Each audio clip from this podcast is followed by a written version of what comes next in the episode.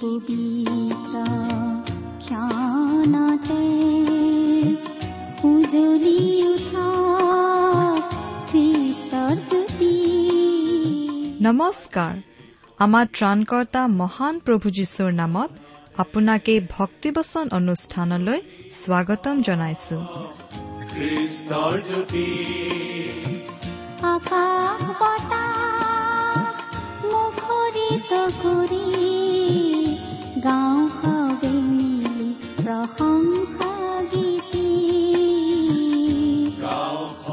এয়া মুকলি কৰিছো।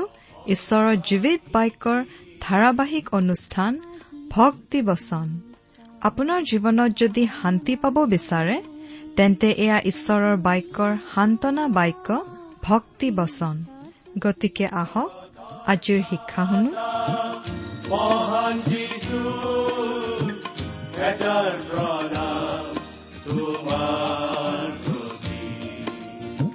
গ্ৰহণ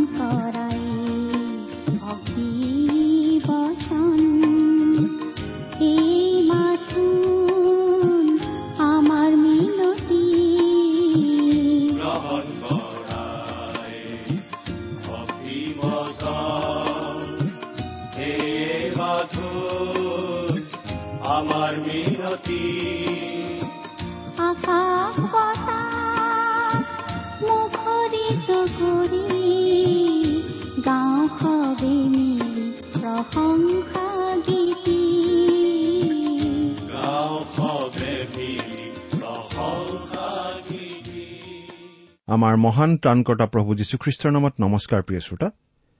আশা কৰো আপুনি ভালে কুশলে আছে। লগতে আমি এই বুলিও আশা কৰিছো যে আপুনি আমাৰ এই ভক্তিবচন অনুষ্ঠানটো নিয়মিতভাৱে শুনি আছে। এই অনুষ্ঠান শুনি আপুনি কেনে পাইছে বাৰু?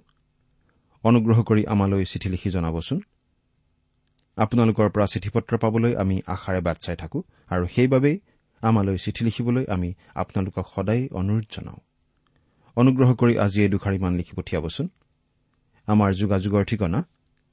ভক্তিবচন টি ডব্লিউ আৰ ইণ্ডিয়া ডাক বাকচ নম্বৰ সাত শূন্য গুৱাহাটী সাত আঠ এক শূন্য শূন্য এক। ভক্তিবচন T W R India postbox number seventy Guwahati seven eight one zero' zero' one. আমাৰ website W W W dot radio' eight eight two dot com প্ৰিয় শ্ৰোতা আপুনি যদি আমাৰ এই ভক্তিবচন অনুষ্ঠানটো নিয়মিতভাৱে শুনি আছে। তেনেহলে আপুনি নিশ্চয় আমাৰ যোৱা অনুষ্ঠানটো শুনিছিল।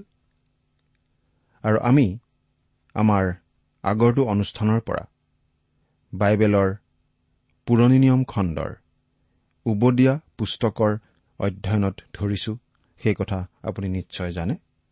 সেই অধ্যয়নটোত আমি এই উবদীয়া পুস্তকখনৰ পাতনি কথাৰ লগতে পুস্তকখনৰ কেৱল এটা পদহে আলোচনা কৰিছিলো। অৰ্থাৎ পুস্তকখনৰ কেৱল প্ৰথম পদটোৱেই আমি আলোচনা কৰিছিলো।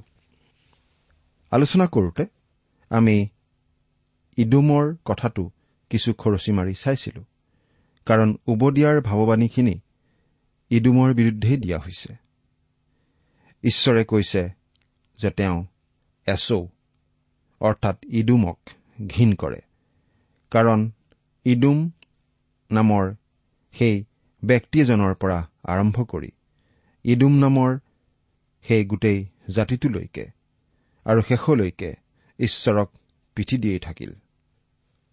ঈশ্বৰক সকলো সময়তে সকলো কালতে পিঠি দি ৰোৱা জাতি এটাৰ শেষ পৰিণতি কি হ'ব পাৰে? ইডুমেই তাৰ উদাহৰণ। আজি আমি এই পুস্তকখনৰ দুই তিনি আৰু চাৰি। এই তিনিটা পদৰ পৰা অধ্যয়ন আগবঢ়াবলৈ মানস কৰিছো। কিন্তু আমি অধ্যয়ন আৰম্ভ কৰাৰ আগতে এই অধ্যয়নৰ বাবে পিতা ঈশ্বৰৰ গুৰিত খন্তেক প্ৰাৰ্থনা কৰোঁ হওক। আমি প্ৰাৰ্থনা কৰো হে সৰগ নিবাসী পবিত্ৰ পিতৃ ঈশ্বৰ আমি আমাৰ আন্তৰিক ধন্যবাদ স্তুতি আৰু ভক্তিলৈ আপোনাৰ কাষলৈ আহিছো। আৰু আপোনাৰ পূজাৰ পবিত্ৰ থাপনাত এই সকলো উৎসৰ্গ কৰিছো। আপুনি দয়া কৰি গ্ৰহণ কৰক। আপুনি মহান আৰু একমাত্ৰ সত্য ঈশ্বৰ। আপোনাৰ নামৰ আমি প্ৰশংসা কৰো। আপোনাৰ গৌৰৱ প্ৰশংসা মান আৰু মৰ্যাদা হওক। আপোনাক ধন্যবাদ জনাওঁ আজিৰ এই অধ্যয়নৰ বাবে। আপোনাক ধন্যবাদ জনাওঁ অনাতাঁৰ অনুষ্ঠানৰ জৰিয়তে আপোনাৰ জীৱনদায়ক বচন শুনাৰ ব্যৱস্থা কৰি দিয়াৰ বাবে। হে প্ৰভু আপোনাৰ চৰণত আমাৰ এই প্ৰাৰ্থনা। আমাৰ জীৱনৰ পুৰণি প্ৰকৃতি সেই মাংসিকতাই যেন ৰাজত্ব কৰি থাকিব নোৱাৰে তাৰ বাবে আপোনাৰ সন্তান যি আমি আমাক আপোনাৰ পবিত্ৰ আত্মাৰ পৰিচালনা দিয়ক। ইডুমৰ কোনো মাংসিকতা যদি আমাত আছে তাক দূৰ কৰক। কিয়নো ত্ৰাণকৰ্তা প্ৰভু যীশুখ্ৰীষ্টৰ নামত এই প্ৰাৰ্থনা আগবঢ়ালো। আহমেন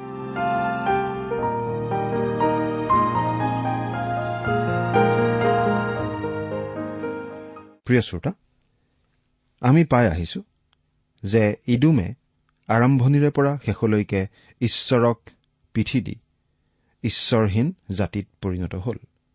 সেয়েহে ঈশ্বৰে এছৌ বা ইডুমক ঘীন কৰিছিল। ঈশ্বৰে কোনো এক ব্যক্তি বা কোনো এক জাতিক ঘীন কৰাৰ অধিক কাৰণ আমি দুই নম্বৰ পদৰ পৰা পাওঁ। দুই নম্বৰ পদটো পাঠ কৰি দিম। ইয়াত এনেদৰে লিখা আছে। চোৱা মই তোমাক জাতিবিলাকৰ মাজত সৰু কৰিলো। তোমাক অতিশয় হেয়জ্ঞান কৰা হ'ল। আচলতে ইডুম এক বৃহৎ জাতিত উপনীত হৈছিল। সেই বিষয়ে আমি জানিব পাৰিম এই পুস্তকখন অধ্যয়ন কৰি যাওঁতে। কিন্তু এতিয়া তেওঁলোকক টানি তললৈ নমোৱা হৈছিল। উবদিয়াই যেতিয়া এই ভাৱবাণী দিছিল তেতিয়া ই ভৱিষ্যতে ঘটিবলগীয়া ভাৱবাণী আছিল। কিন্তু আজি ইতিহাসৰ যি সময়ছোৱাত আমি আছো হওক এতিয়া সেই ভাৱবাণী আৰু ঘটিবলগীয়া ঘটনা হৈ থকা নাই। সি কেতিয়াবাই সিদ্ধ হৈ গৈছে। ইডুমৰ যি মহাপাপে তেওঁলোকৰ ওপৰত ঈশ্বৰৰ সুধবিচাৰ আনিছিল সেই মহাপাপটো কি আছিল বাৰু? তিনি নম্বৰ পদত চাওকচোন। ইয়াত এনেদৰে কৈছে কোনে মোক মাটিলৈ নমাব? এই বুলি মনতে কোৱা উচ্চ স্থানত বাস কৰা শিলৰ খুৰুঙত থকা যি তুমি তোমাৰ মনৰ অহংকাৰে তোমাক প্ৰবঞ্চনা কৰিলে।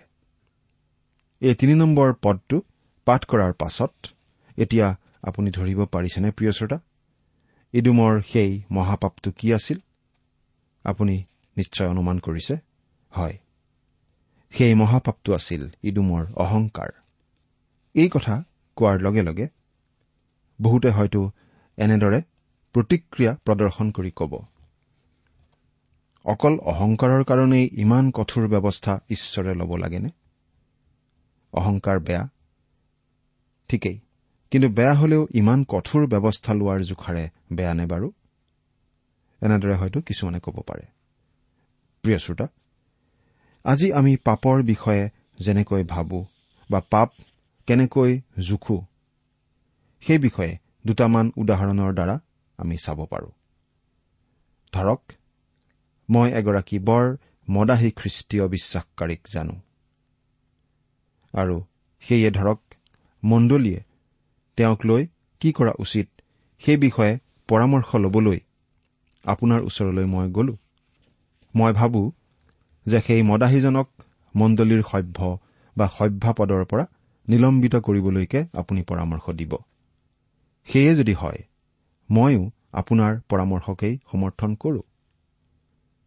আকৌ ধৰক কোনো এজন খ্ৰীষ্টীয় লোকে চুৰ কৰি থাকোতে হাতে লোটে ধৰা পৰিলে আৰু ৰাইজৰ পৰাও উত্তম মাধ্যম পালে। সেই চুৰ খ্ৰীষ্টীয় ভাইজনক মণ্ডলীয়ে কি ব্যৱস্থা লোৱা উচিত বুলি পৰামৰ্শ ল'বলৈ যদি আপোনাৰ ওচৰলৈ যাওঁ আপুনি নিশ্চয় ক'ব যে তেনে চুৰ খ্ৰীষ্টীয় লোকক মণ্ডলীৰ পৰা বাহিৰ কৰা উচিত। আপোনাৰ সেই পৰামৰ্শটো ময়ো উচিত বুলি ভাবিলো। কিন্তু ধৰক মই আৰু এজন খ্ৰীষ্টীয় বিশ্বাসকাৰীক লৈ মণ্ডলীত বৰ অসুবিধা পাই আছো। কাৰণ ধৰক মানুহজন বৰ ভয় লগাকৈ ঘীন লগাকৈ অহংকাৰী। ধৰক তেওঁৰ ক্ষেত্ৰতো মণ্ডলীয়ে কি ব্যৱস্থা লোৱা উচিত বুলি তাৰে পৰামৰ্শ আশা কৰি আপোনাৰ ওচৰলৈ গলো। মই ভাবো যে এইবাৰ আপুনি প্ৰথমতে একো নকৈ মোৰ মুখলৈ চাব আৰু হয়তো লাহেকৈ এনেদৰে ক'ব। পালক হিচাপে আপুনি তেওঁক বুজাই কওক যে অহংকাৰ কৰাটো পাপ। তাৰ বাবেনো আৰু কি সভ্যপদ বাতিল কৰিব বা মণ্ডলীৰ বাহিৰ কৰিব? সেইটোতো আৰু মদ পান কৰা বা চুৰ কৰাৰ নিচিনা গুৰুত্বপূৰ্ণ পাপ নহয় যে সভ্যপদ বাতিল কৰিব বা মণ্ডলীৰ পৰা বাহিৰ কৰিব লাগিব। কিন্তু আপোনাক বাইবেলৰ সঁচা কথা এটা কৈ চক খুৱাওনে? কথাটো এই যে ঈশ্বৰৰ দৃষ্টিত কিন্তু মদ পান কৰা বা চুৰ কৰা পাপতকৈ অহংকাৰ কৰা পাপটো অধিক ডাঙৰ পাপ অধিক গুৰুত্বপূৰ্ণ পাপ অধিক বেয়া পাপ। মদ খোৱা আৰু চুৰ কৰা পাপৰ বিৰুদ্ধে বাইবেলে নিশ্চয় আমাক সতৰ্ক কৰিছে আৰু সেইবোৰ পাপৰ বাবেও দণ্ডাজ্ঞা জাৰি কৰিছে। কিন্তু তথাপি অহংকাৰ বোলা পাপটিৰ বিৰুদ্ধে বাইবেলে যিমানখিনি কথা কৈছে সিমানখিনি কথা মদ পান কৰা বা চুৰ কৰাৰ ক্ষেত্ৰত কোৱা নাই।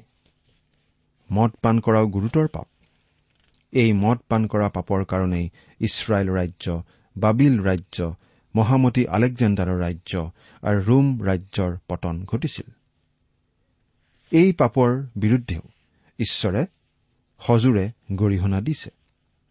তথাপি আপুনি এই কথা জানেনে প্ৰিয় শ্ৰোতা যে ঈশ্বৰৰ দৃষ্টিত অহংকাৰ বোলা পাপটো মদ পান কৰা পাপটোতকৈ অধিক গুৰুতৰ অধিক বেয়া আৰু অধিক ঘীন লগা? আমি য'তে থাকো তাতেই সেই পাপটো থাকে। গীৰ্জালৈ যাওঁতে মদপীয়ে মদ খাই নাযায় আৰু চোৰেও গীৰ্জাত একো চুৰ কৰিবলৈ নাযায়। কিন্তু মন কৰিছেনে?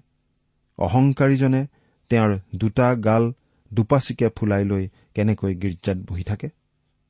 তেওঁৰ মুখমণ্ডললৈ ভালদৰে চালে তেওঁৰ মুখমণ্ডলত এই কথাটো পঢ়িব পাৰিব। তোমালোকতকৈ মই পবিত্ৰ মই ভাল।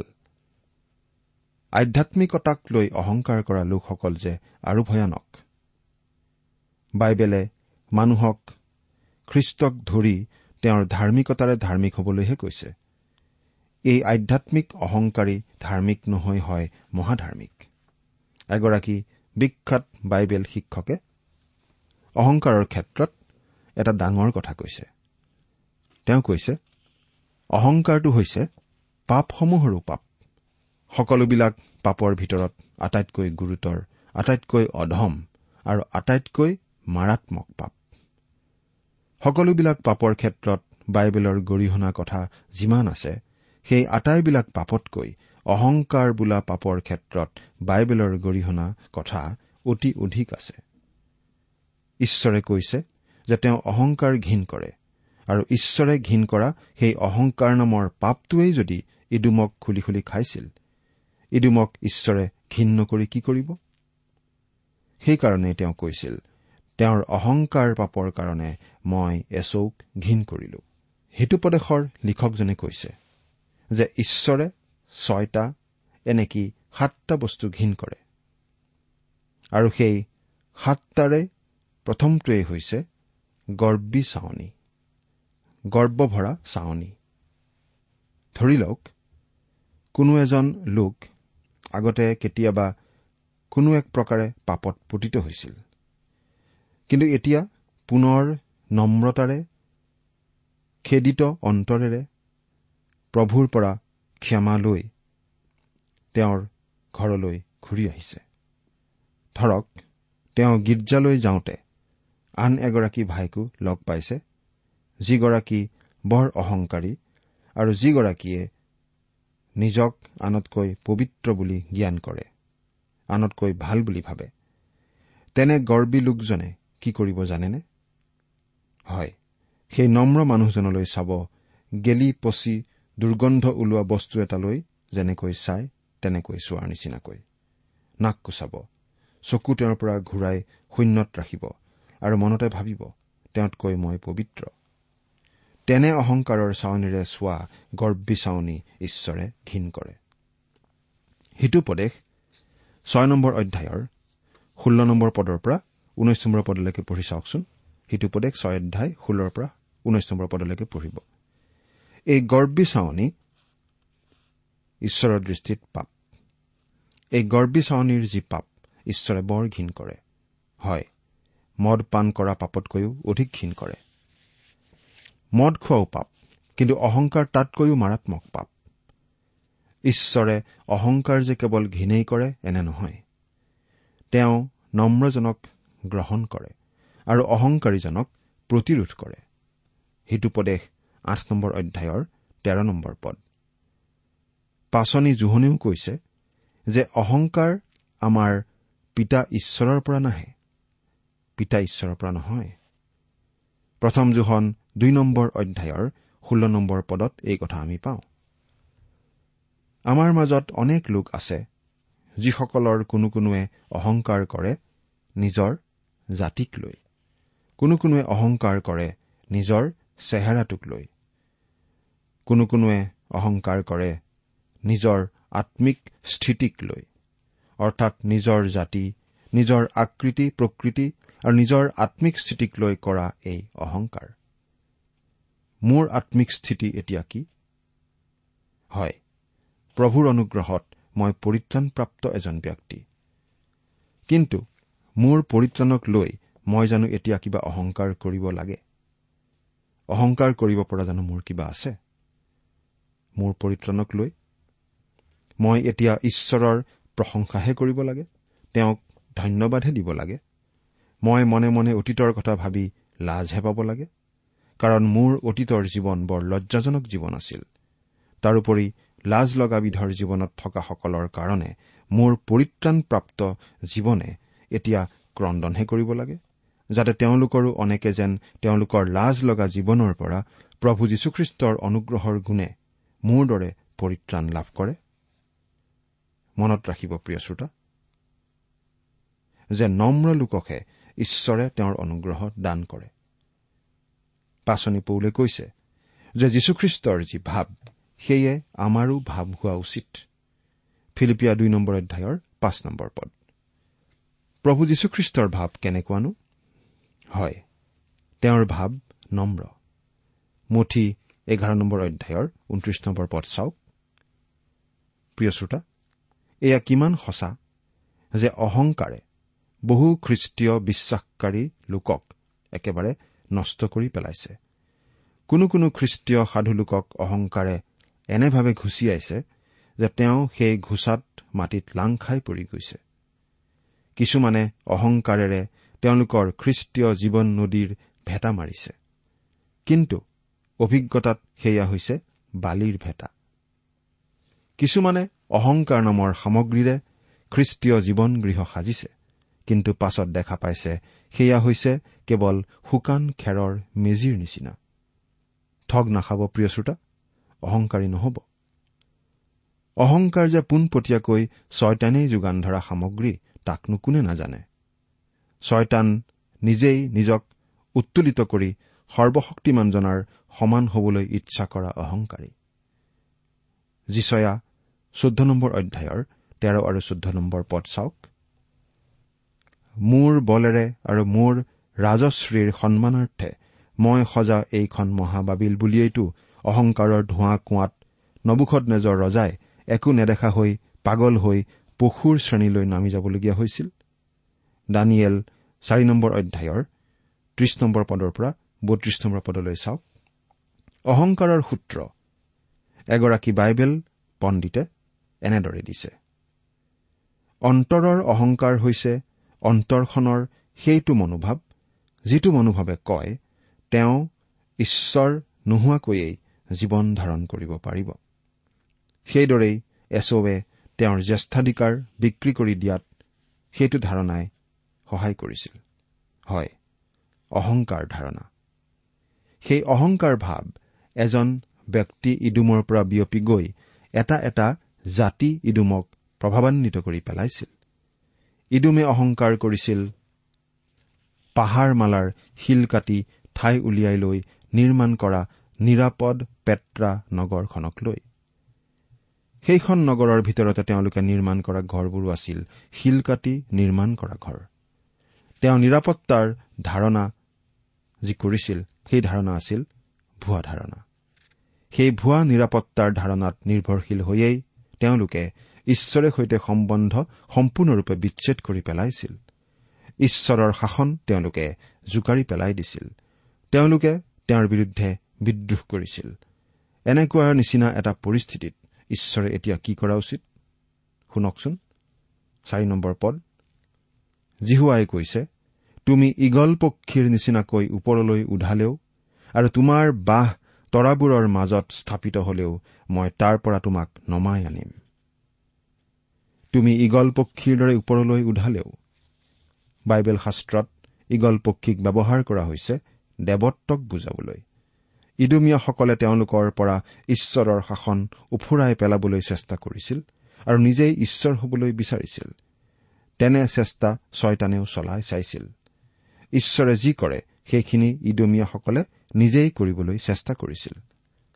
আৰু তোমাৰ বাহ তৰাবোৰৰ মাজত স্থাপিত হলেও এয়া আছিল স্বয়ং দিয়াবল ছয়তানৰ পাপ। কাৰণ সি তৰাবোৰৰ ওপৰত তাৰ সিংহাসন স্থাপন কৰিবলৈ বিচাৰিছিল। কিন্তু ঈশ্বৰে ইডুমক কৈছিল মই তাৰ পৰা তোমাক টানি নমাই লৈ আহিম। আজি আপুনি মন কৰিলে আমাৰ সমাজত কিছুমান মানুহ দেখা পাব যিসকলে ঈশ্বৰ বিনেই তেওঁলোকে তেওঁলোকৰ জীৱন যাপন কৰিব পাৰিব বুলি ভাবি তেনেধৰণেই জীৱন যাপন কৰিবলৈ চেষ্টা কৰে।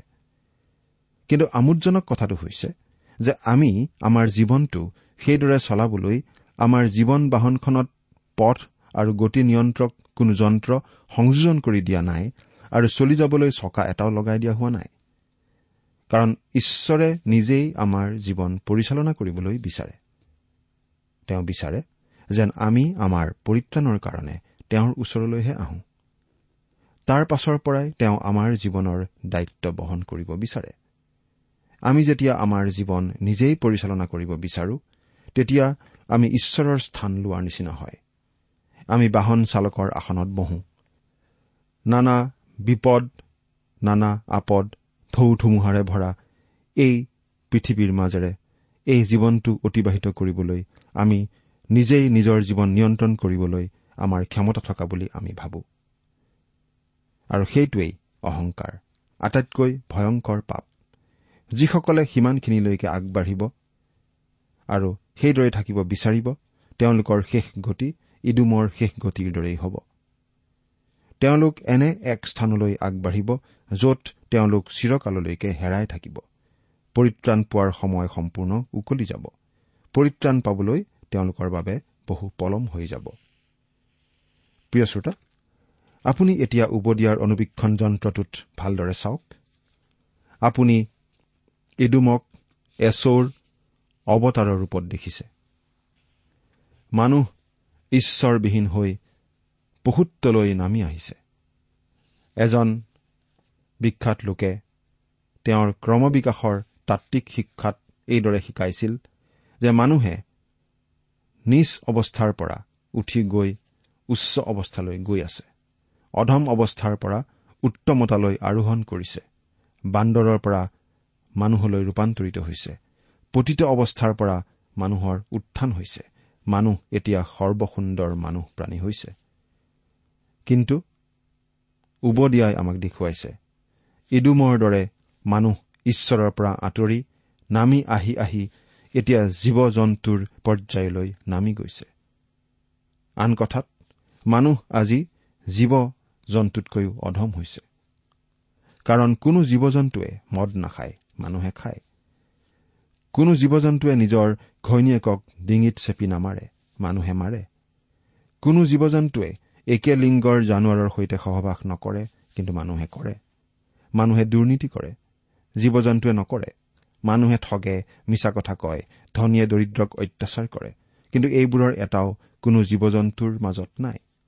আজি মানুহৰ উত্থান হোৱা নাই পতনহে ঘটিছে। ইডুমৰ মানুহবিলাকে এই সকলো কৰাৰ পাছতো তেওঁলোকে ভাবিছিল তেওঁলোকে ঠিকেই আছে। তেওঁলোকৰ অৱস্থা ঠিকেই আছে। ঈশ্বৰক বাদ দিও মানুহৰ পৰ্যায়তে চলি গৈ থাকিব তেওঁলোকে পাৰিছে সেইবুলি তেওঁলোকে ভাবিছিল। অহংকাৰৰ ধোঁৱা কোৱা অৱস্থাত পৰি তেওঁলোকে আন একো দেখা পোৱা নাছিল নিজৰ ভুল বুজি পোৱা নাছিল। ঈশ্বৰৰ কথা তেওঁলোকে পাহৰি গৈছিল আৰু সেইকাৰণে ঈশ্বৰে ইডুমক ঘীন কৰিছিল। ইডুমক ওপৰৰ পৰা তললৈ টানি নমাইছিল। এয়াই আছিল উবদিয়াৰ বাণী আৰু ঠিক এইমতেই সকলো ঘটিছিল। প্ৰিয় শ্ৰোতা আপুনি বাৰু কি অৱস্থাত আছে? আপোনাৰ নিজৰ জীৱন নিজে চলাই লৈ যাব পাৰিব বুলি অহংকাৰত আছে? নে সম্পূৰ্ণ নম্ৰভাৱে আপোনাৰ জীৱনৰ ৰথৰ চকৰি? একমাত্ৰ জীৱিত ত্ৰাণকৰ্তা প্ৰভু যীশুৰ হাতত গতাই দিছে। চিন্তা কৰি চাওকচোন ঈশ্বৰে আপোনাক আশীৰ্বাদ কৰক।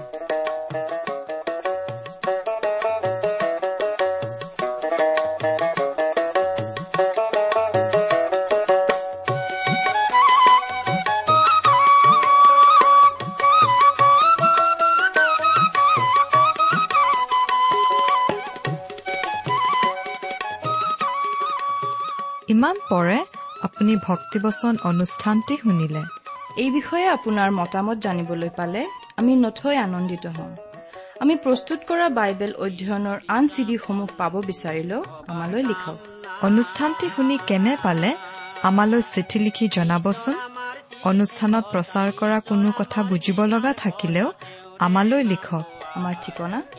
ভক্তিবচন ট্ৰান্স ৱৰ্ল্ড ৰেডিঅ' ইণ্ডিয়া ডাক বাকচ নম্বৰ সাত শূন্য গুৱাহাটী সাত আঠ এক শূন্য শূন্য এক। ঠিকনাটো আৰু এবাৰ কৈছো ভক্তিবচন ট্ৰান্স ৱৰ্ল্ড ৰেডিঅ' ইণ্ডিয়া ডাক বাকচ নম্বৰ সাত শূন্য গুৱাহাটী সাত আঠ এক শূন্য শূন্য এক। আমাৰ ইমেইল এড্ৰেছটো হৈছে S M is T T B at the rate radio' eight eight two dot com আমাৰ website W W W dot T W R dot in আপুনি টেলিফোনৰ মাধ্যমেৰেও আমাক যোগাযোগ কৰিব পাৰে। আমাৰ টেলিফোন নম্বৰটো হৈছে শূন্য তিনি ছয় এক দুই ছয় শূন্য চাৰি ছয় সাত এক। ফোন নম্বৰটো আকৌ এবাৰ কৈছো zero' three six one two six zero' four six seven one আজিৰ অনুষ্ঠানটি ইমানতে সামৰিছো। ঈশ্বৰৰ শান্তি আৰু অনুগ্ৰহ আপোনাৰ লগত থাকক। ধন্যবাদ।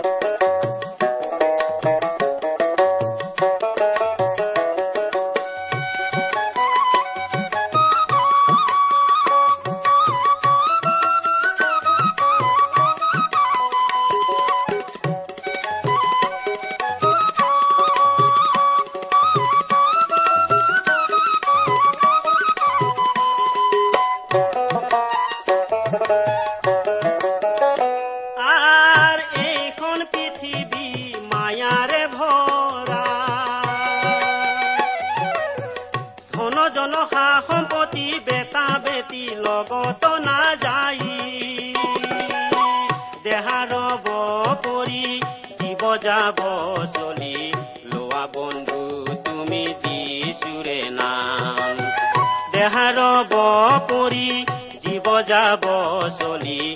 লোৱা বন্ধু, তুমি যি যিচুৰে নাম। কি ভাবিছা বন্ধু ভবাৰ কাম না